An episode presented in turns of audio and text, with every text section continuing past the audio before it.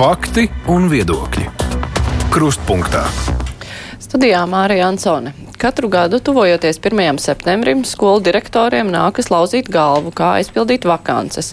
Un dabas zinātņu priekšmeti ir viena no tiem, kur skolotāji trūkst vienmēr. Arī augstskolās topošos pedagogus STEM jomās var skaitīt uz roku pirkstiem. Tomēr tā nav, ka Latvijā nemaz nav dabas zinātņu entuziastu ar gatavību nodot savas zināšanas tālāk. Un viens no tādiem ir Latvijas Universitātes skaitliskās modelēšanas institūta pētnieks, arī Rīgas valsts pirmās gimnāzijas fizikas skolotājs Dzirds Zāģeris. Labdien! Sveicināti. Jūs arī darbojaties jaunam fizikas skolā, pasniedzat pirmajā gimnāzijā. Tad kāds jums ir radies iespējas vai jauniešu, kuriem interesē dabas zinātnes, tajā skaitā fizika, nu, pietiek Latvijā vai tur ir jāmeklē apkārt? Es domāju, ka jauniešu pietiek. To parāda tas, ka mums ir diezgan daudz visādas iniciatīvas, gan tās nosauktās jau no fizikas skolas, gan virkni citu jaunākiem un vecākiem bērniem. Sakot, darīt ir ko, un interesi ir, un arī jau no fizikas skolā mēs redzam, diezgan daudz jauniešu nāk. Un arī skolā es redzu, ka jauniešiem, ja viņiem pareizi to priekšmetu parāda, arī tiem, kam sākotnēji tas varbūt nešķiet tik interesanti, vai ir kaut kāds aizdoms pret priekšmetu, beigās viņiem tomēr sirds atmaigst un atrodas tā interese. Līdz ar to es domāju, ka ar bērniem viss ir kārtībā un, un tā interese ir. Nu jā, jo skolā parasti ir tā, ka kamēr kaut ko nesaprot, tikmēr tas nepatīk. Tas nozīmē, ka tur tā pasniegšanas vaina lielā mērā ir, jo arī fiziku var stāstīt interesanti un viegli uztverami. Jā, um, nu, kā lai saka, tas ir tāds uh, varbūt mazliet niansēts jautājums par to pasniegšanu, jo tas nav tikai stāsts par to, vai ir interesanti vai nav interesanti. Um, tas man liekas, ir arī par manieru, kādā vispār pieiet priekšmetam. Jo es esmu pilnīgi pārliecināts, ka dabas zinātnes ir zināms bubulis visiem, tāpēc ka to priekšmetu vēsturiski māca. Nu, tā, ka ir jāiegaumē tas, jāiegaumē šis likums, tā sakarība, šī formula, un tas nav tas veids, kā dabas zinātnieki domā. Un tas nav tas veids, kā to iemācīties. Un tas gan ir, manuprāt, ļoti sarežģīti. Um, bet taisnība caur to īsto domāšanas veidu, varbūt vairāk caur kaut kādu pētniecisko, caur spriešanu, caur tādu, kā man patīk teikt, funktieri. Tas paliek interesanti. Es to mēdzu salīdzināt ar krustu vieglu risināšanu. Man šķiet, ka visiem ir interesanti piesaisties un parisināt, un beigās atrisināt. Un tad, man liekas, līdzīgs skatu punkts ir dabas zinātnēs, ka mēs vienkārši skatāmies uz dabu domājam, kāpēc ir tā, liekam puzli kopā, un kad mēs uzbūvējam, tad mēs saprotam, ah, tā ir tā sakrība, tas ir tā, tas ir tāpēc. Tāda pieeja man šeit daudzos raidījumos lielāka patika par to priekšmetu nekā. Nu, vai šāda pieeja ir nu, jaunajā izglītības modelī, kas tagad ir, jo mēs esam pārgājuši uz kompetenci izglītību, ir notikusi satura reforma. Uh, nu, jā, pedagogi sūdzas, ka viņiem nav metodisko materiālu, un tāpēc varbūt arī līdz bērniem tas vēl nav nonācis, bet nu, tā idejiski tādai ir jābūt pieejai tagad?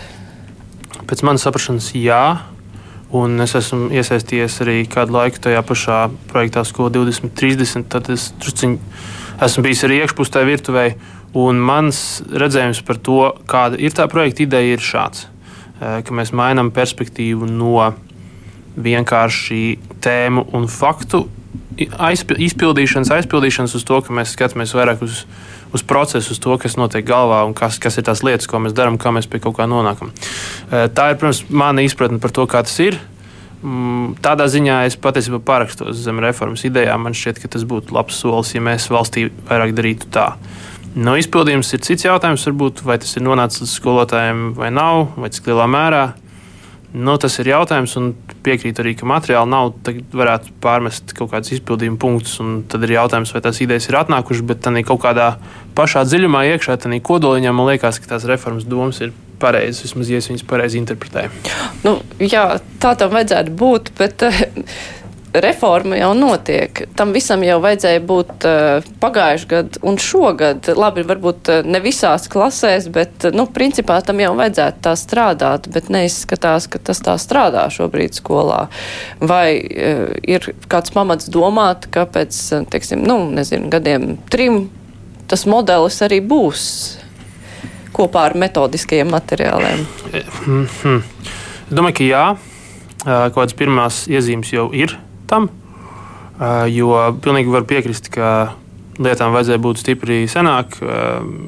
Iemesli, kāpēc viņas nebija, es nevaru nosaukt, jo tas arī nebija tādā līmenī, es tik dziļi nebiju projektā, lai pateiktu, kur īsti bija tā problēma. Bet, nu, mēs šobrīd esam situācijā, kur cilvēki ir sapratuši, ka skolotājiem vajadzīgs atbalsts, it sevišķi tāpēc, ka skolotāji trūkst. Un, nu, grūti ir jaunam skolotājam ienākt darbā, kur ir jauna pieeja un nav materiāla. Eh, bet saskaņā ar šo ir, zinu, ka fizikā ir eh, projekts, eh, pie kā mēs ar kolēģiem strādājam, lai izveidotu šos metodiskos materiālus vismaz pamatlīmenī, lai skolotājiem ir visām stundām materiāls. Es zinu, ka vēl pāris priekšmetos arī ir kustība, ka to darīs. Līdz ar to no tās puses es domāju, ka pāris gadi un tie materiāli parādīsies vienkāršais tā, ka eksistē vajadzība. Un es domāju, ka daba nemīl tukšumu, līdz ar to tur kaut kas parādīsies. Nu, no otra gala atkal ir tas, ka reforma ir notikusi, eksāmeni būs pa jaunam, ja tā var izteikties.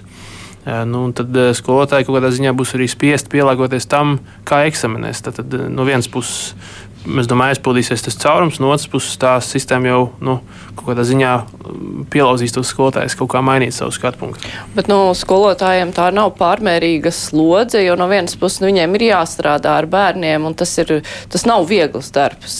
Tas ir visu laiku, tā ir milzīga enerģijas atdošana, un ja tev nav materiālu, un tev visu laiku jādomā vēl, lai tos pielāgotu gaidāmiem eksāmeniem, nu, vai jābrīnās, ka kāds ar to netiek galā? Nē, nav jābrīnās. Es pilnībā piekrītu, ka tā tas nedrīkstēja būt. Un ir slikti, ka mēs esam šajā situācijā, kur ir notikusi reforma, bet vēl ir tāds, tāda neskaidrība, kur tie materiāli ir. Nu, var tikai teikt to, ka mēs fiziķu lokā ātri identificējām šo problēmu un metāmies viņu risināt. Un jācer, ka septembrī mēs varēsim nolikt skolotājiem uz galda visus materiālus. Un es ceru, ka arī citos priekšmetos šī kustība būs Jo es piekrītu, ka tas ir pārāk liels sloks jau tā kaut kādā ziņā nospiestajiem un trūkstošiem un pārstrādātajiem skolotājiem. Bet eh, jūs sakat, fiziķu lokā jums ir kaut kāda fizikas eh, skolotāju grupa, kas eh, kā, apmainās ar materiāliem, ar idejām. Un cik tā ir plaša, ja tāda ir? Jā, mums ir paveicies ar to, ka mums ir fantastiska fizikas skolotāja asociācija, kas ir ļoti proaktīva, kas uh, komunicē ar skolotājiem un, var sakot, kaut kas tiek darīts visu laiku skolotāju labā. Uh, tas ir tāds nukleācijas punkts, kur, kur, kur daudz kas sākās, bet ir arī kaut kāda interese no industrijas. Uh, tas tas materiāla projekts, ko es minēju, faktiski sākās kā industrijas. Uh, lūgums valstī kaut ko darīt, jo viņiem ir nepieciešami inženieri, viņi no zilgais neradīsies, viņu skolotāji nav. E, tad, nu, faktiski tur bija kaut kāds aicinājums kustēties, un šis viss salikās kopā, ka bija tā skolotāja grupa, kam bija interese pēc šī, bija uzņēmēji kaut kāds spiediens, un tad arī atradās kaut kāda iespēja to iniciatīvu realizēt. Um, Tā, tāda ir tie apstākļi. No industrijas jūs varat eh, pa, nu, precizēt uh, sīkāk, kas ir tā industrija, kas izrādīja interesi? Nu, faktiski mēs runājam par uh, Leteru, kas ir Latvijas. Baidos ne, elektrotehnikas un elektronikas rūpniecības asociācija, ja, ja nemaldos. Tā izklausās pareizi. Bet, nu, tā tad tas tā, tā, tā uzņēmēja asociācija, ja, kas nodarbojas ar elektronikas lietām un rūpniecību, kas ir Latvijai nešau, nešaubīgi tautsamniecībai būtiski, kā asociācija nu, nāca ar lūgumu. Jā, ka, Vai tas nav labs piemērs, nu, teiksim, tā arī citas nozares, kur trūks speciālistu, ka tad var kaut kā sadarboties ar cilvēkiem, kuri kaldina topošos speciālistus? Es domāju, ka jā. Gal galā nu, tā mums funkcionē sabiedrība, ja, ka ir demokrātiskā valstī ir kaut kādā veidā jāpieprasa tas, ko cilvēki vēlās, un tikai tad tas var notikt. Kā, protams, ir labi, ka ir vairāk spēlētāji, kas interesējas par vienu to pašu, un tad jau atrodas dzirdīgas ausis. Es domāju, ka citos priekšmetos, ja, ja gadījumā ir kaut kādi līdzīgi spēlētāji, kas jūt, ka varētu kaut ko tādu darīt, es domāju, ka par sevi pastāvēt un celt problēmas gaismā viennozīmīgi ir jā, jālaba lieta. Jā, jūs iezīmējāt, ka nu, fiziķi, fizikas skolotāji ir apvienojušies asociācijā. Nu, es nezinu, vai tur ir cik lielā mērā ir visi skolotāji, jo noteikti ir arī tādi, kas pasniedz fiziku droši vien papildus kaut kam, bet uh, vienalga. Lai arī jūs iezīmējāt tādu ļoti labu sadarbības modeli, kas atvieglo darbu, tomēr šo skolotāju trūkst. Kāpēc? Vai tas ir tāpēc, ka cilvēkiem nezinu, noveco pedagogu aiziet pensijā, grūti strādāt, tāpēc, ka nenāk jauni vietā? Tas ir abu šo iemeslu dēļ. Nu, tā, tas, ka skolotāji agrāk vēl aizies pensijā, tas tāpat notiks. Vajag, protams, jaunu attaudzes, kas skolotājs aizvietos. Ar to pašlaik ir problemātiski, un jau nu, kādus gadus, desmit, manuprāt, ir runas, ka nepietiek to speciālistu, ka nepietiek, nepietiekams daudzums skolotāju absolvē katru gadu, lai aizpildītu to caurumu. Nu, kāds ir iemesls, par to var spekulēt. Droši vien, ja es zinātu droši, tad, tad pie tā varētu arī ķerties un risināt. Uh, es nevaru to pateikt, bet. Nu, bet tas ir kaut kāds prestiža jautājums vai citu profesiju konkurētspējas jautājums, jo nu, tās ir lietas, kur var nopelnīt jā, daudz. Tas ir prestižs un nauda. Es domāju, ka tas ir. Virkni lietu, tā skaitā šīs. Es domāju, ka tas noteikti ir par prestižu. Ja skolotāji būtu kā, kaut kādā ziņā prestižāks amats un labāk apmaksāts, tad pēc kuriem ekonomikas likumiem skaidrs, ka tur nonākt vairāk cilvēku un konkrēti dabas zinātņu vai fiziķu vai matemātiķu gadījumā ir tā, ka cilvēks, kas ir kaut cik speciālists savā jomā ir uz izķeršanu arī citās nozarēs, kur, eh, teiksim, iepriekš minētajā rūpniecībā, kur visticamāk tās algas būs lielākas, un tāpēc tie cilvēki nenonāk skolā. Eh, bet, nu, teikt, ka viss, ko mums vajag darīt, ir pacelt prestižu un pacelt algu, ir nepateikt neko. Jā. Um, tāpēc es nezinu, no kur gala to risināt, bet tie pilnīgi noteikti ir faktori. Jā. Nu jā, un tad mēs nonākam līdz jūsu motivācijai. Kāpēc jūs esat skolotājs? Jūs arī varējāt strādāt, eh, kad uz ārzemēm doties. Tas jau ir pieprasīts ne tikai šeit, bet arī ārpus Latvijas. Jā, tas ir jautājums, ko man nereti uzdod. Tā skaitā man paši skolēni. Um, Tad sāksim ar to, ka es skolā strādāju darbslodzē. Tas to īstenībā nevarētu nosaukt par pamatdarbu. Es vairāk nodarbojos ar pētniecību, bet skolā es strādāju tāpat. Jo nu, pirmkārt, man šķiet, ka man kaut cik padodas šī lieta, man patīk. Un tas ir mans veids, kā risināt to problēmu, kurā mēs esam. Jo mēs te atnākam studijā un runājam par to, ka trūkst, trūkst, trūkst. trūkst ja. Ehm, un spekulējam par iespējām, kā mēs tur kaut ko varam darīt vai nevaram darīt, jāceļ algas vai ko. Bet man ir reāli iespēja aiziet klasē un ar kaut kādu skaitu bērniem strādāt, iemācīt to priekšmetu, raisīt intereses un taisīt kaut kādu mazu gabaliņu nākamo cilvēku, kas varbūt uh, būs tie, kas ies un darīs. Tas ir kaut kādā ziņā, es to jūtos tā, ka es gribētu šo problēmu risināt, un vismaz tas ir veids, kā es varu daļēji palīdzēt pats personīgi. Tāpēc varētu apgalvot, vien, ka tā ir zināmā mērā misijas lieta, e, iet strādāt uz skolu. E, jā, jo man gribētos, lai mums sabiedrība būtu kritiskāk domājošāka un tāda analītiskāka. Un man ir kaut kas jādara lietas labā, lai tā būtu. Nu, no tiem, ar kuriem jūs kopā mācījāties e, reiz Latvijas universitātē, nu, cik no viņiem ir kļuvuši skolotāji? Nulle? Nu, ārpus jums, vai ir vēl? Um, hmm, tā tad es esmu skolotājs, to mēs zinām. Es zinu vismaz vēl vienu cilvēku, kurš šobrīd strādā skolā, un vēl divi mani kursu biedri studiju laikā bija skolotāji, bet vairs nav. Uh, vēl daži cilvēki, kas ir kursus vecāki un jaunāki, arī ir kļuvuši par skolotājiem. Tāpēc tik traki nav. Cita lieta ir, ka tas lielākajai daļai nav tāds mm, mūža darbs, vai nav, tas nav viņa aicinājums. Cilvēki pastrādā skolā, tāpēc ka tā ir lieta, lieta, lieta ko var apvienot ar studijām. Eh, tā ir lieta, kur eh, ar esošajām zināšanām var iet uzreiz, jo tas skolotāji trūkst, viņas ņems. Eh, tā tas ir. Paliek skolā uz ilgu laiku, varbūt mazāks skaits, bet nav, nu, nav tik traģiski. Ir tomēr cilvēki arī no fizikiem, kas iet strādāt skolā, un labi, ka tā.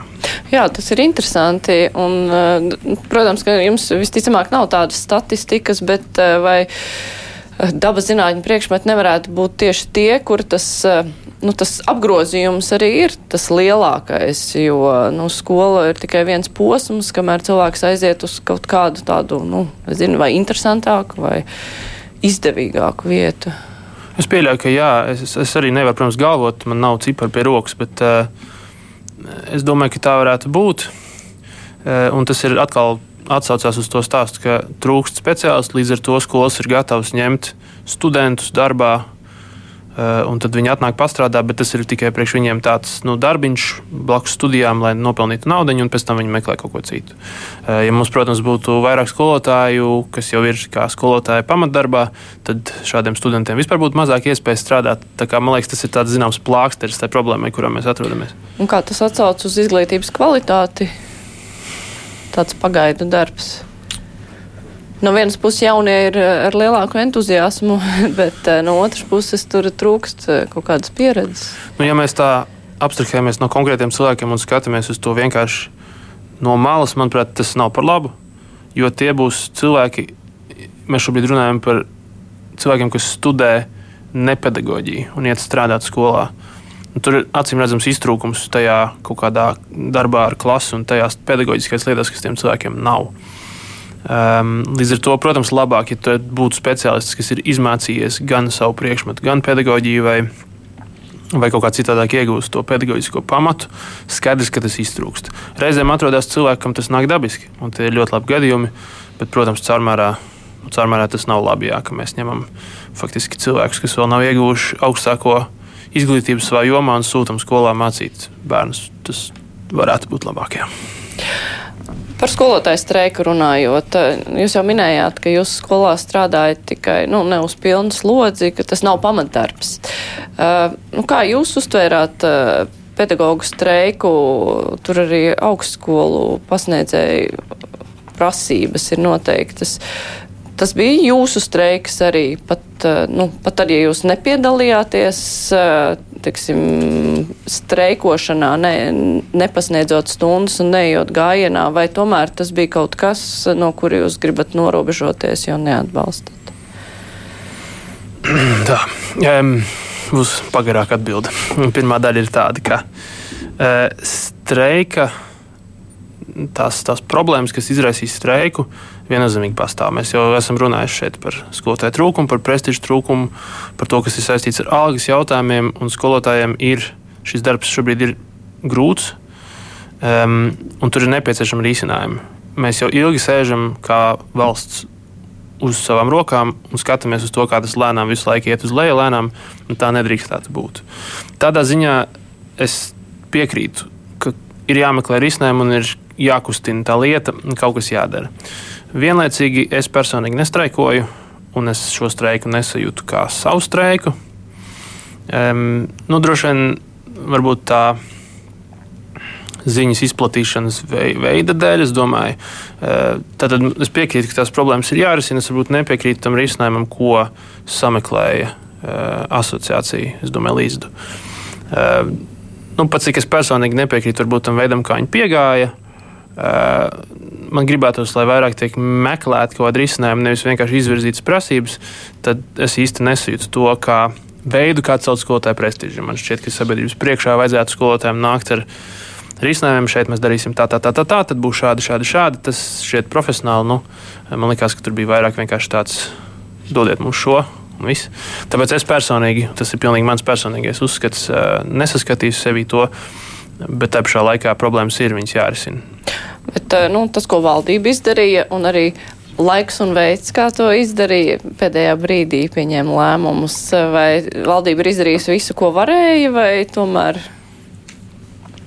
nē. Nocīm redzami, visu, ko viņi varēja izdarīt, tas ir tāds spēcīgs apgalvojums. Droši vien, ka nē, bet uh, Nu, tā strādā streiki. Ja. Tiek pieteikts streiks, un nu, abas puses līdz pēdējiem brīdim skatās viena uz otru, kā vesternos ar, ar pistolēm, kamēr nu viens beidzot kaut ko izdara. Nu, tā tas ir. Jā, jo skaidrs, ka valdībai ir jārēķinās ar to, ka, nu, ja skolotāji nestrādās, tad trīs dienas tas nozīmē kaut kādas izmaksas. Viņas jāsver pret to, ko viņi izdarīja. Eh, nu jā, eh, man gribētos vienkārši, lai visas iesaistītās puses to problēmu risinātu pēc būtības. Nevis, ak, tie skolotāji pieteica streiku, nu, tad mums kaut kas jādara, un tie skolotāji atkal, nu, mēs pieteiksim streiku, un tad kaut kas būs. Ja? Gribētos, ka gan tie, gan tie nu, apsēžās kārtīgi pie galda un tiešām risina problēmu, nevis tā spēlē vesternu. No, no valdības puses eh, ir jūtama tāda cieņpilna attieksme pret uh, pedagogiem ne tikai no šīs valdības, bet arī iepriekšējām. Nu, ja mēs paskatāmies uz uh, dažādām reformām, jo nu, bija pandēmijas laiks, kas skolotājiem arī bija liels pārbaudījums, tāpēc, ka pēkšņi nācās pārkārtot visu, un pēkšņi bija cita pieeja. Un, It īpaši, jā, grūti pielāgoties varbūt mazajiem skolniekiem, kuri tur nebija gatavi uzņemt zinības caur datoru ekrānu.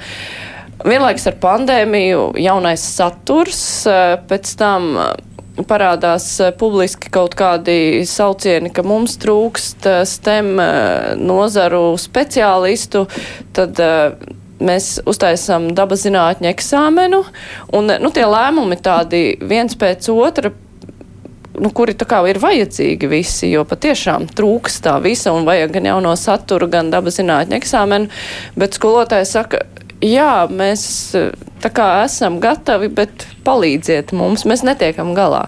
Vai nu, tā attieksme ir bijusi pietiekuši nu, tā, ar cieņu un atbalstu pret pedagogiem? Hmm.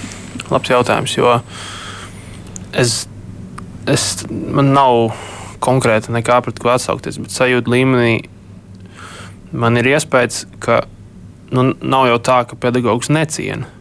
Šīs visas nosauktās situācijas ir objektīvi sarežģītas. E, valdība jau nepasūtīja Covid. Ja? Tās ir ārējais apstākļus, kas sakrita reizē ar to, ka bija reforma, un mēs vienkārši nonācām objektīvi neapskaužamā situācijā.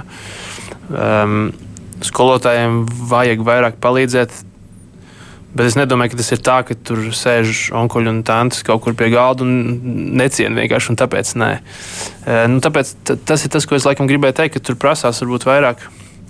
Tā cieņa varētu nākt ar to kaut kādu dialogu vairāk, jo man visu laiku liekas, ka ir tādas divas nometnes, kas visu laiku mēģina nu, pa, pa atsevišķi kaut ko izdomāt par šīm lietām. E, jo arī tos jautājumus, es domāju, varēja kaut kā vairāk e, vienkārši caur sadarbību risināt. Bet, nu, tas ir arī tāds, es drusku abstrakt runāju, ja viņai arī ir nepieciešama kaut kāda konkrēta modeļa, kas tad būs tie, kas sadarbosies un kā to darīt. Es nedomāju, ka tas ir gluži necieņas jautājums. Ehm, es drīzāk domāju par to, ka atrast risinājumus ir diezgan grūti. Mums nevienmēr izdodas atrast to labāko. Ehm, nu, vai mēs gribam vairāk, mēs gribam, vai mēs varam vairāk, es domāju, ka jā. Bet es nenorakstītu to uz cieņas trūkumu. Hmm. Varbūt tā nu, neiedziļināšanās trūkums. Nē, ne, nevis trūkums, bet vienkārši neiedziļināšanās. Man grūti pateikt, jo tā tomēr ir arī tāda tehniska lieta. Jā, teiksim, jautājums par skolu tīkla reformu. Jo nu, skolotājiem vajag algas celt. Naudiņa no kaut kurienes jādabū. Nu, vēja pūš kaut kādi, ka droši vien ka ir doma reformēt skolu tīklus, optimizēt kaut ko aiztaisīt uz tā rēķina, varbūt naudiņu ietaupīt un tad varbūt samaksāt vairāk. Bet atkal no otras puses ir skolotāji, kas nevēlas, lai tas notiek. Viņi ir kaut kāda daļa no visiem, un tur vēl ir tā tehniskā puse, ko slēgt, ko neslēgt, kā, kāpēc, kāda būs kriterija, kā mēs to darīsim. Tas ir tāds. Tas ir kādreiz process, kas prasa iedziļināšanos, un varbūt iemesls reizēm, kāpēc lietas nenotiek tik ātri. Nu, tad ir jautājums par komunikāciju, vai visi iesaistītie spēlētāji viens ar otru sarunājās, jo tur arī visiem ir jābūt tādā labā uh, saistībā, lai tas viss labi notiktu. Es es domāju par cilvēkiem pamatā to labāko. Es nedomāju, ka tur ir kāds, kas nu, neiedziļinās, vai kāds, kas tur ļaunprāt. Es domāju, ka tas vienkārši ir grūti. Mums vienkārši varbūt vairāk vajadzētu strādāt pie tā visiem kopā. Mēs varbūt neesam vēl sameklējuši to labo sadarbību starp visiem spēlētājiem, lai kopā atrastu labāko risinājumu. Jā, es atgādināšu mūsu klausītājiem un vēlāk Latvijas televīzijas skatītājiem, ka šodien kopā ar mums ir Latvijas Universitātes skaitliskās modelēšanas institūta pētnieks un vienlaikus arī Rīgas valsts pirmās ģimnāzijas fizikas skolotājs Girts Āģers, un mēs tūlīt turpināsim. Raidījums Krustpunktā. Kā mēs pieskārāmies jau skolu reformai, tīkla reformai. Uh, viens no argumentiem ir, kāpēc ir nepieciešama reforma laukos. Nu, tā ir naudas jautājums, protams. Mazas skolas ir dārgi uzturamas, bet otra lieta ir kvalitātes jautājums, ka tur māca nepietiekošā kvalitātē. Līdz jums nonāk bērni arī no reģioniem, ir nonākuši. Kādas ir viņu zināšanas? Mēdz nonākt. Nu, tiesa, man droši vien šis jautājums nav īsti korekts, jo es strādāju pirmajā gimnājā, kas tomēr veica skolēnu atlases. Līdz ar to, pat ja tie ir jaunieši no reģioniem, viņi atnāk eh, tomēr ar, ar Viņi kaut kādu. spēja izturēt šo atlasi. Viņi spēja, nu, tas, protams, pats par sevi labi, ka viņi spēja izturēt, bet man līdz ar to nebūs laikam, korekti vērtēt, vai, eh, vai viņi tur ir labi vai slikti. Nu, viņi ir izturējuši atlasu, viņi šeit ir. Kā viņi līdz tam tika, tas jau ir jautājums cits. Bet, nu, labi, sadarbojoties ar uh, fizikas skolotājiem, citiem, uh, kāds jums ir līmenis, uh, priekšstats par nu, to līmeni, kāds ir reģionos kaut kur? Nu, droši vien tā ir, ka reģionos ir līmenis zemāks. To mēs redzam arī statistikā. Tas nav par sajūtām, tas ir par skaitļiem. Mēs to redzam, mēs to zinām, tam ir loģiski iemesli. Ja, jo nu, lielākā daļa cilvēku teiksim, tomēr ir koncentrēta pilsētās. Pilsētas droši vien var samaksāt vairāk, tur attiecīgi būs labāks speciālists. Tas ir tāds bezskaitlīgs jautājums, kāpēc tā notiek. Stāstam ir otra daļa. Tas nav tikai par pasniegšanas kvalitāti, tas ir arī par to, kādā vidē tie bērni atrodas. Jo ir zinātniski pētījumi, kas saka, ka ir jābūt noteiktam skaitam bērnu klasē, lai skolēni varētu apgūt kaut kādas sociālās prasmes. Nu, vienkārši sadarbojoties ar saviem klases biedriem, esot kolektīvā, tas ir tikpat svarīgs elements skolā, it sevišķi mazam bērnam, cik tās zinības, ko viņi apgūst. Un uh, ir dzirdēts par skolām, kur ir tik maz bērnu, ka tiek kombinētas kopā ar 2. un 4. klasi. Viņiem stundas notiek reizē, jo viņas ir pārāk maziņas, un tas iegriež bērnam šādā ziņā. Nu, šādā aspektā tās problēmas, man liekas, nav, nav īsti citādāk risināmas, kā meklēt kaut kādu veidu, kā kombinēt kopā, jā, lai tās klases paliek lielākas un to speciālistu uz bērnu skaitu, nu, tā kā viens speciālists tiek pie vairāk bērniem uzreiz. Jā. Dabas zinātņu eksāmenis uzlabos situāciju. Tev vienlaikus, kad nu, pie, tika pieņemti lēmumi, tad parādījās arī tādas kartes, kur Latvijā bija dažādu reģionu skolas, novados dažādos. Un tur augstākajā līmenī daudz kur vispār nepasniedz, ka ir milzīgs skaits skolu, kur pasniedz nu, to minimumu. Tad uh, eksāmens tur var kaut ko palīdzēt, ja tur nav kas māca. Tur nē. Lai kaut kur mācītu augstāko līmeni, pretī ir jābūt cilvēkam, kas to var darīt. Un tas, ka tur ir vai nav eksāmens, diez vai tam palīdzēs. Eksāmenis, manuprāt, ir jāuzlūko vienkārši vairāk kā objektīvs mērījums par to, kas notiek, kā, kāds ir stāvoklis. Jo, ja tas eksāmenis ir izvēles, tad to liks tikai tie, kas to izvēlēsies. Tā es uz to vairāk skatos. Kā, es baidos, ka tas nav domāts arī kā kaut, kā, kaut kāda lieta, kas palīdzētu šīs lietas risināt nemaz. Mm, bet, ja rezultātā būs vesels birums skolu beidzēji, kuriem būs slikta atzīme šajā eksāmenā vai pat nesekmīga, nu, mēs zināsim, jā, ka ar to ir ļoti slikti. Bet ko tas dos? Man kā pētniekam tas kaut ko nozīmētu. Šobrīd mēs tā nojaušam, ka varbūt nav labi, varbūt ir. Kaut kur varbūt mācās slikti, kaut kur nē. Bet ir ļoti grūti izdarīt kaut kādas konkrētas darbības vai kaut kā konkrēti vērtēt situāciju, ja mums nav zināms. Tas, ka mēs potenciāli nomērīsim, kāds ir beidzēja līmenis padziļinātajā fizikas kursā un dabūsim sliktu atbildi, nu, tas mums ļaus saprast, kā tad īsti ir, kur ir, kur ir labi, kur ir slikti, kāpēc, un mēs varēsim konkrēti vērsties un kaut ko darīt. Tā kā, manuprāt, kaut kāda informācija par situāciju viennozīmīgi vienmēr ir labāka par nekādu informāciju. Jo pat ja tā situācija nav glaimojoša, mēs vismaz varam objektīvi skatīties, kur ir, kur nav un ķerties pie darba. Jautājums ir, ko, nu, ko ietvers tā ķeršanās pie darba, jo tajā brīdī droši vien, ka būs nu, bumbiņa valsts pusē, nu, tad valstī ir kaut kas jādara, lai ķertos pie darba, lai nodrošinātu, lai šīs zināšanas tiek sniegtas bērniem. Un tad, ko valsts varēs darīt? Es domāju, ka atkal man kā pētniekam gribētos cits starpā arī valdības darbā, vairāk redzēt to, ka lēmumi ir balstīti datos un zinātniskākā pieejā tam, ko mēs tur redzam. Un šādā griezumā tas ļauj motivēt konkrētāk kaut kādas darbības. Piemēram, skolu tīkla optimizācijas darbības, kuras mēs pieminējām pirms brīža. Ja mēs redzēsim, kādi ir tie eksāmena rezultāti, mēs varēsim informētāk teiksim, apvienot kaut kādas skolas, vai tieši neapvienot, atstāt vaļā katrs informācijas gabaliņš, ko mēs dabūjam, ļauj mums labāk pārskatīt laukumu un no tā pieņemt lēmumu. Tālāk, vai cilvēki uz, nu, uz to pareizi vai nepareizi atsauksies, nevaru teikt. Bet uh, katrā gadījumā tas, ka tas būtu pieejams un no tā varētu balstīties un vajadzētu balstīties, tas, manuprāt, ir svarīgi.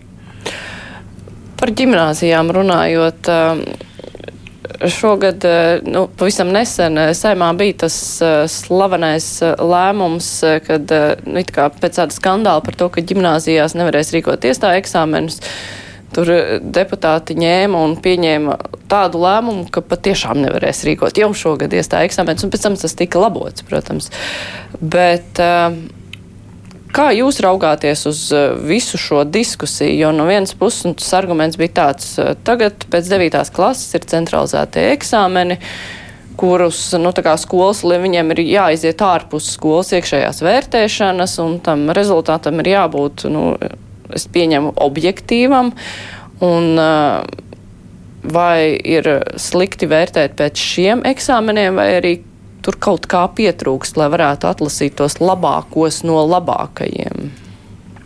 Jā, nu, tā bija tāda interesanta situācija, kas tur izveidojās. Kā es to saprotu? Jau līdz šim pastāvēja likuma norma, kas saka, ka nevar taisīt iestāju eksāmenus priekšmetos, kuros jau ir centralizētais eksāmenis. Jā, un 9. klasē vienkārši viņi nebija pirms Jā, tam, un tikai šogad sāksies. Tieši tā, tieši tā.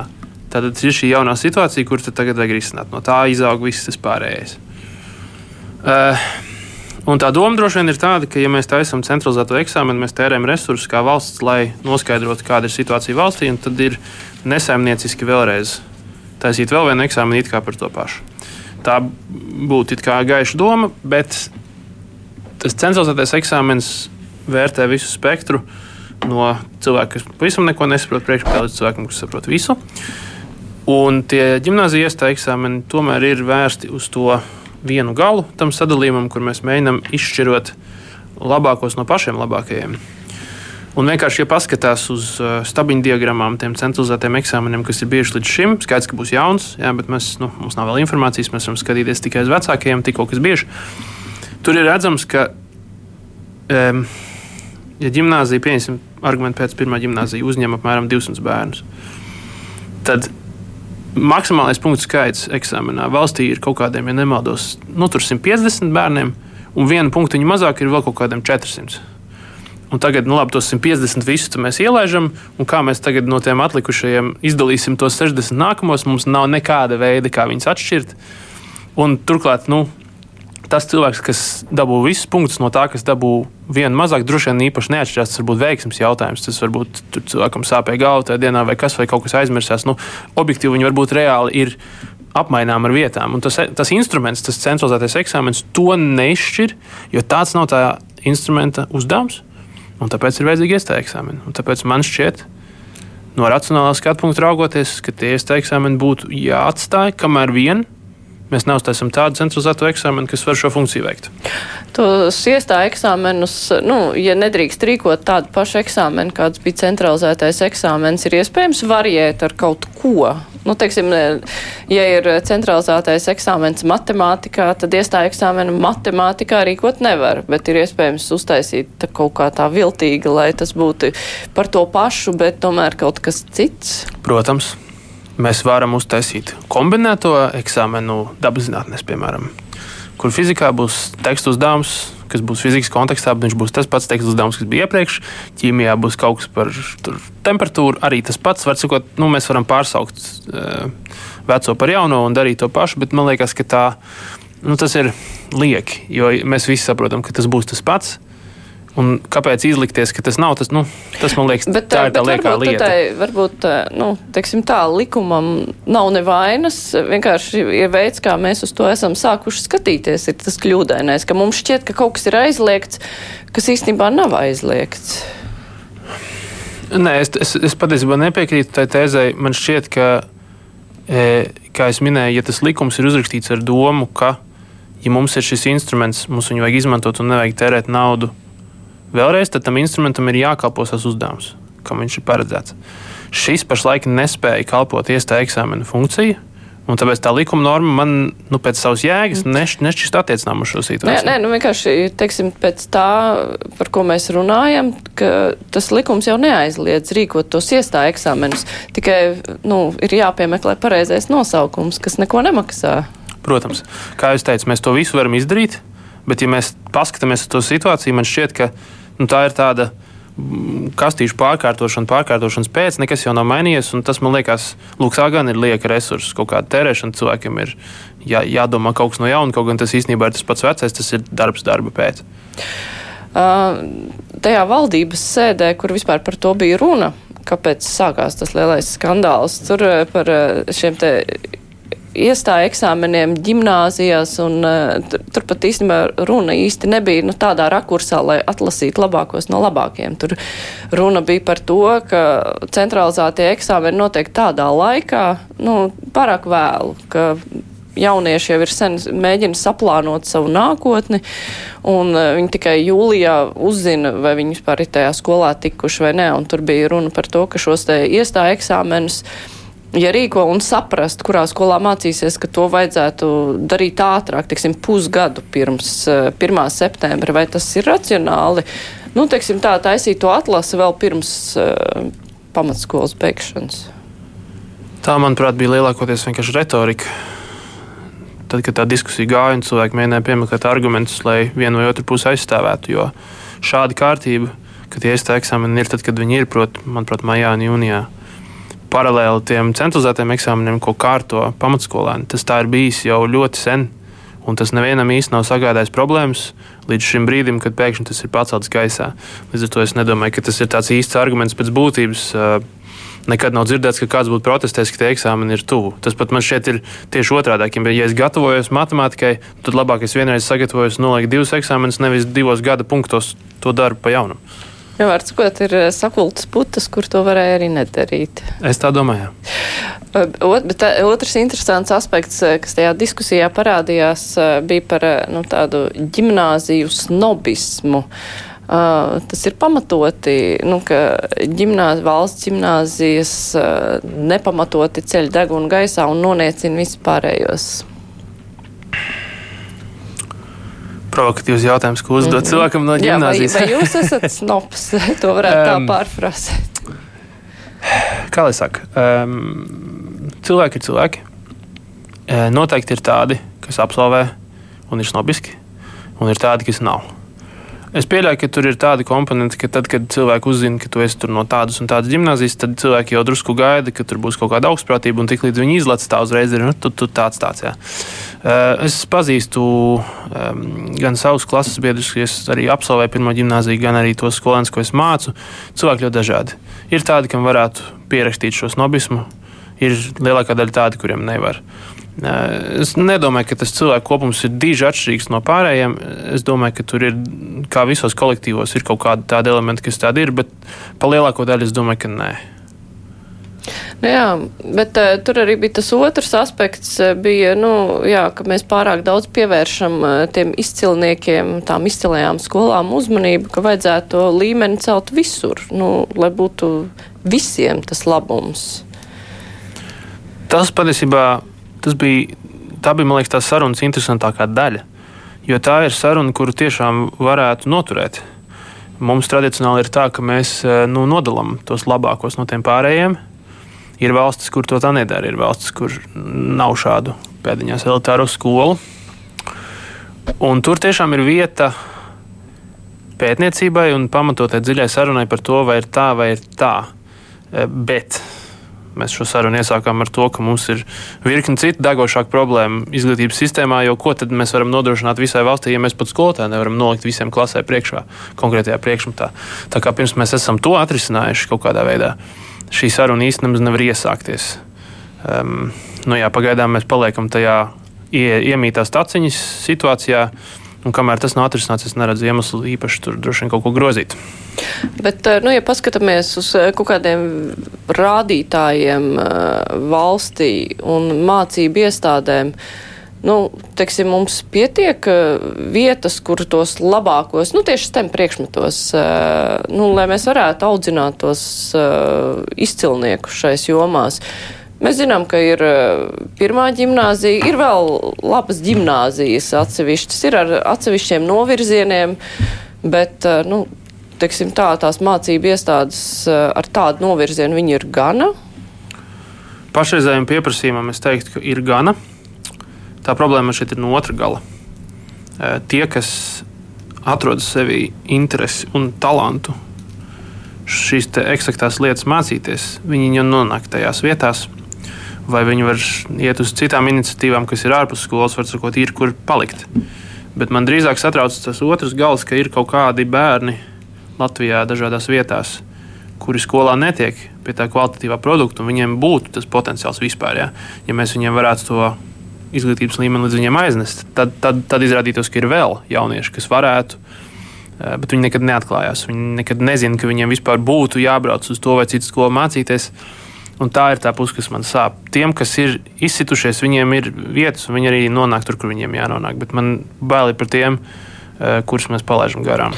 Bet, eh, nu, kādā veidā tad var atlasīt? Jo nu, droši vien, ka to bērnu potenciālu vislabāk jau redz skolā. Un, ja skola nepamana, nu, tad nepamana.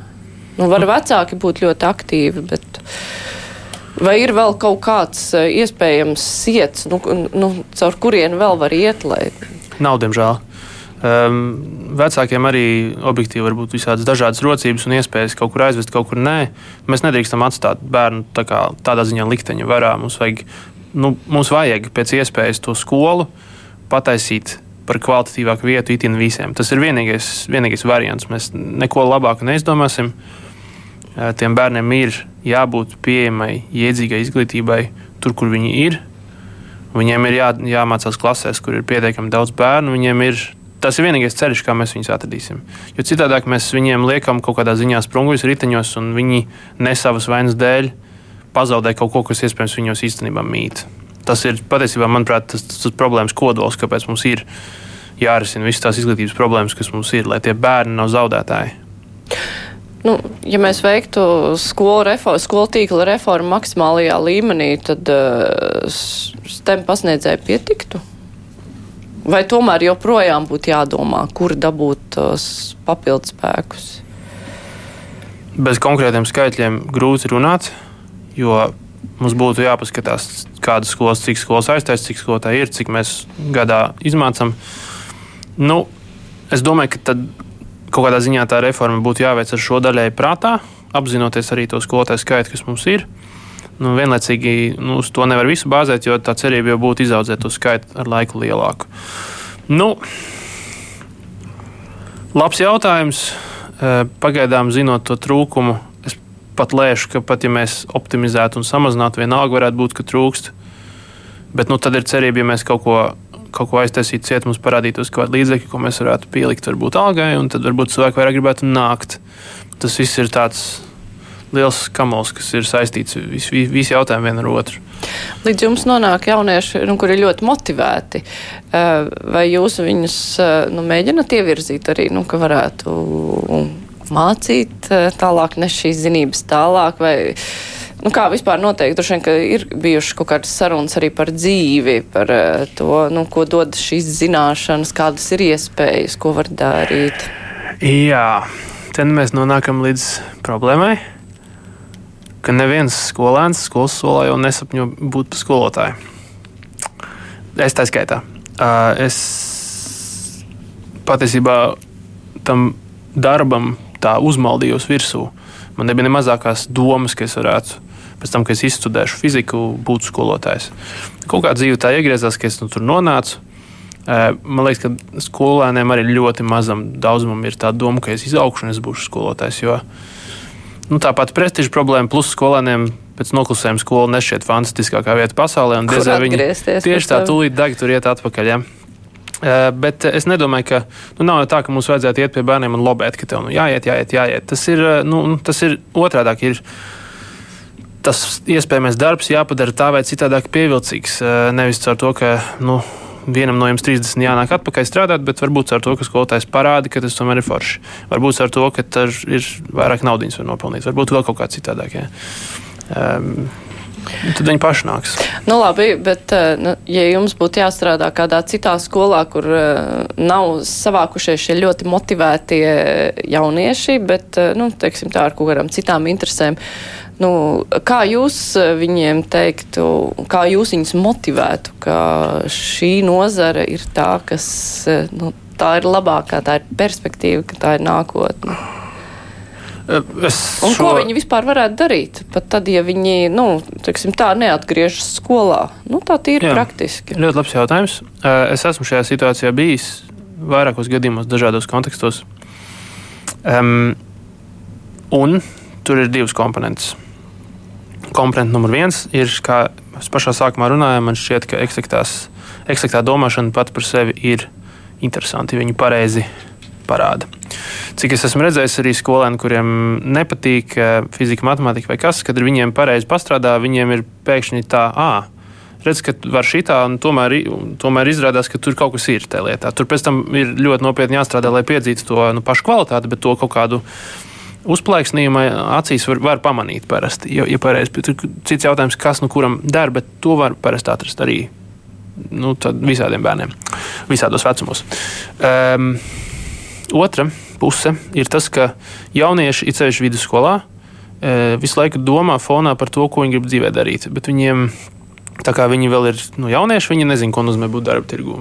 Un tad viņi, protams, grib uh, ievirzīt savu dzīvi tā, lai viņiem būtu kaut kas ļoti labs, kas viņiem patīk, ko darīt, pelnīt daudz naudas un tā. Un tad uh, es mēdzu nu, tiešām tā parunājoties par dzīvi, pastāstīt, ko dara tāds mans kursbiedrs, ko dara šī tāds, ko es zinu, ka tāds cilvēks dara, ko es daru, ka šī tāds dara. Un tur, tur ir tā, ka man ir fiziķu kursa biedri, kas strādā bankās par kaut kādu statistiku rēķinu, ir programmētāji, ir eh, apdrošināšanas firmas, kas rēķina riskus, nu, vis, visdažādākās iespējamās lietas, tāpēc, ka tā dabaszinātniskā domāšana un spēja rēķināt jau neierobežo tevi uz to vienu to mazo kastīti, kas saucās zinātnieks vai skolotājs. Eh, cilvēks, kas šīs lietas māca, to pamatu, to funkciju, to domāšanas veidu un to tehniku, var darīt ļoti daudz ko. Un tajā brīdī parasti, kad, nu, kad skolēni vai nu dzird par šiem cilvēkiem, vai labāk ierauga kādu, kas ir atnācis pie viņiem parunāties, tad viņi, viņiem ir tāda tā kā atklāsme, ah, izrādās, ka šī to var izmantot arī tā. Un ar to viņiem parādās tāds plašāks skatījums uz to, ko tas nozīmē vispār dabas, dabas zinātnes un dabas zinātnes domāt. Un tajā brīdī viņi jautāja jums, kāpēc jūs kļuvāt par skolotāju? Tieši tā. Tieši tā, tas ir tas, ko viņi prasa. Jā, mums klausītājs ir uzrakstījis tā, manos skolas laikos no daža laba STEM priekšmeta nu, viņam atmiņā ir palicis tas, ka skolotājs tāfels cepa formulas un uzdevums, kā satrakojies printeris, būtu izskaidrots ar piemēriem no dabas un tehnikas, rezultāts būtu bijis daudz labāks. Pozitīvs piemērs bija celsenieku vidusskolā ķīmijas pasniedzējs Jānis Kārkliņš, pirms tam pamatskolā šī priekšmeta skolotāja iesauka bija hidra. Hm. Mm, nu, es te vēl varu pieminēt, eh, nu, labi, no, es mācījos padomu laikos arī, nu, ne pirmajā vidusskolā, bet uh, jūrmalā, eh, tajā laikā ne fizikā, ne ķīmijā mums, es neatceros nekad neko citu kādu priekšmetu klasē, kas nebūtu solis un tāfele, jo tur vienkārši nekā cita nebija, lai gan, nu, pasniedzēja kaut ko centās. Um, tagad skolās ir labāk. Teiksim, tā, no tā visa, nu, ko var parādīt. Jo bērniem ir jāredz un jāsaprot, ka tur kaut kas kustās, un tā ir tā fizika, nevis tā formula. Iesākumā, protams, pēc tam tai formulai arī jābūt. Nu, laiki ir gājuši uz priekšu. Pat ja mums nav fiziska lieta, ko nolikt uz galda, kas lielākajā daļā skolu ir, arī demonstrējumi jau ir. Bet mēs varam attaisīt YouTube, atrast video, parādīt to, šito. Mēs varam simulācijas atsaistīt, var sakot, uzskats materiāli ir auguši ar pieeju internetam, ko viņas var parādīt klases priekšā. Bet galu galā man liekas, ka tas vienalga ir skolotāja pieejas jautājums. Ar tāfeli un krītu var izdarīt ļoti daudz. Un patiesībā mans darba stils ir ārkārtīgi vecum, vecmodīgs tādā ziņā, ka es arī lielāko daļu savu darbu daru ar krītiņu un tāfelīti. Bet man liekas, tas ir kā reiz tā, tā printera lieta, ir tā kļūda, ko nedrīkst darīt. Fizika, matemātika nav par formulu rakstīšanu, par uzdevumu risināšanu tikai. Tas nav par to. Tas ir par to, kas tur apakšā stāv, kāpēc ir tā, kas pie tā noved un kā, ko, ko no tā tālāk var dabūt tas domāšanas veids. Un, un tad arī ar krītu var to visu. Tikai ir jā, jāmaina skatu punkts, kā mēs to skatāmies. Un tas tiešām paliek interesanti. Un tas printer variants ir autentiski, garlaicīgs un sarežģīts. Un es jūtu līdzi katram, kuram tā jāmācās. Klausītāji arī vaicā, nu, ko tad darīt ar tiem STEM skolotājiem, kur ir tik ļoti noguruši no dzīves, ka stundas lielā mērā vada ķeksīšu pēc, bērniem reāli neko neiemācot, un tas pat ir Rīgas skolās, ne provincē. Nu, tur nav iekšā to meklēt, to pieeju. Tad labāk nemācīt, bet tad pavisam būs tukšums. Nu jā, pavisam tukšumu mēs nevaram atļauties. Protams, tā ir satraucoša situācija. Um, tāpēc jau ir kaut kāda kustība, teiksim, tie paši metodiskie materiāli tiek taisīti, jo visi apzinās šo problēmu. Viņi ir jārisina. Um, mēs esam pieskārušies visām iespējamām idejām par šo, bet nu, burvi no viņas nav. Ir jābūt kaut kādai iniciatīvai no valsts puses, un skolotāji paši var nu, tad, tad sataisīt materiālus, dalīties viens ar otru, vai šādā gadījumā nu, arī faktiski no valsts puses piegādāt šos materiālus. Mēs varam tikai mēģināt palīdzēt. Uh, un tad ir globāli jārisina tas trūkums, jo tie daži, kas mums ir jāsargā jau kā zelta gabaliņi, bet nu, viņi, ir, viņi ir kaut kādā brīdī, viņiem ir jānāk papildus spēkiem. Bet skolotāji dalās ar tiem pašu sagatavotiem metodiskiem materiāliem. Es nezinu, neatceros, kur es dzirdēju, ka ir skolotāji, kuri pat eh, piepelnās vienkārši gatavojot, jo tas mm. prasa tik daudz laika, ka ir tādi, kuri, nu, viņi labāk tad nopērk un mieras. Jā, diemžēl tā ir, un tas ir ļoti atkarīgs no skolotāja. Ir eh, daži, kas pa brīvu izliek visu, kas viņiem ir ar domu, ka nu, mēs visi esam šajā cīņā kopā un kaut kādā vai es došu jums visu, kas man ir, un jūs dodiet man. Ir citi, kas tur, nē, neko, tas ir mans, es esmu strādājis, es jums nedošu. Un tad ir cilvēki, kas atrod kaut kādu vidusceļu, kur, nu, ņemiet, bet varbūt samaksājiet par manu darbiņu. Nu jā, nu kaut kā jau tā skolotāja komuna cīnās ar šo situāciju, kurā viņi ir. Bet nu, tas nav ilgtermiņa risinājums. Jā. Bet nu, skolas pašas atbalsta, vai nu, tas ir no katras vadības, protams, atkarīgs, vai palīdz saviem skolotājiem ar tikt galā? No skolas uz skolu ļoti atšķirās. Es nevaru komentēt par visām skolām. Ir skolas, kur ir dzirdēts, ka ir ļoti atbalstoša vadība, kas meklē visus tādus iespējamus veidus, kā skolotājiem, kā minimums nesarežģīt dzīvi, un tad ir skolas, kurā tā nenotiek. Jums ir kontakti ar eh, daudz ar citiem skolotājiem, vai jūs tomēr labāk zināt savu dzīvi? Un... Ja, nu, protams, es labāk zinu savu dzīvi, bet uh, man sanāk krustot ceļus ar diezgan daudziem skolotājiem un viņu perspektīvām un uzklausīt, kas viņiem sāp, kas viņiem patīk, kā viņi uz lietām skatās. Tā bilde ir diezgan raibīga. Bet vairāk optimistiskā vai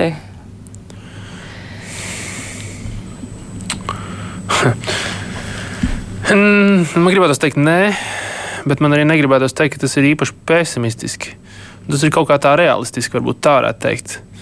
Ka mēs visi saprotam, ka nav sevišķi labi, bet nu, konkrēti fizikas skolotāja ietverā man ir iespējas, ka saprotot to, kur mēs esam, mēs visi cenšamies darīt tik, cik mēs varam, lai asāšajos apstākļos dabūtu no sevis ārā to labāko. Jā, nu, un cerēsim, ka arī no mūsu sarunas kāds, eh, kurš eh, tajā skatā arī lēmums pieņem, arī varēs izlobīt to labāko un nu, nāks kāda ideja, kā atbalstīt, jo nu, tā ir nozara, kas ir ārkārtīgi svarīga. Es saku paldies. Šodien kopā ar mums Girds Zāģeris, Rīgas valsts pirmās gimnāzijas fizikas skolotājs un vienlaikus arī Latvijas Universitātes skaitliskās modelēšanas institūta pētnieks. Raidījums izskan producente Vijunām, studijā bija Mārija Ansona.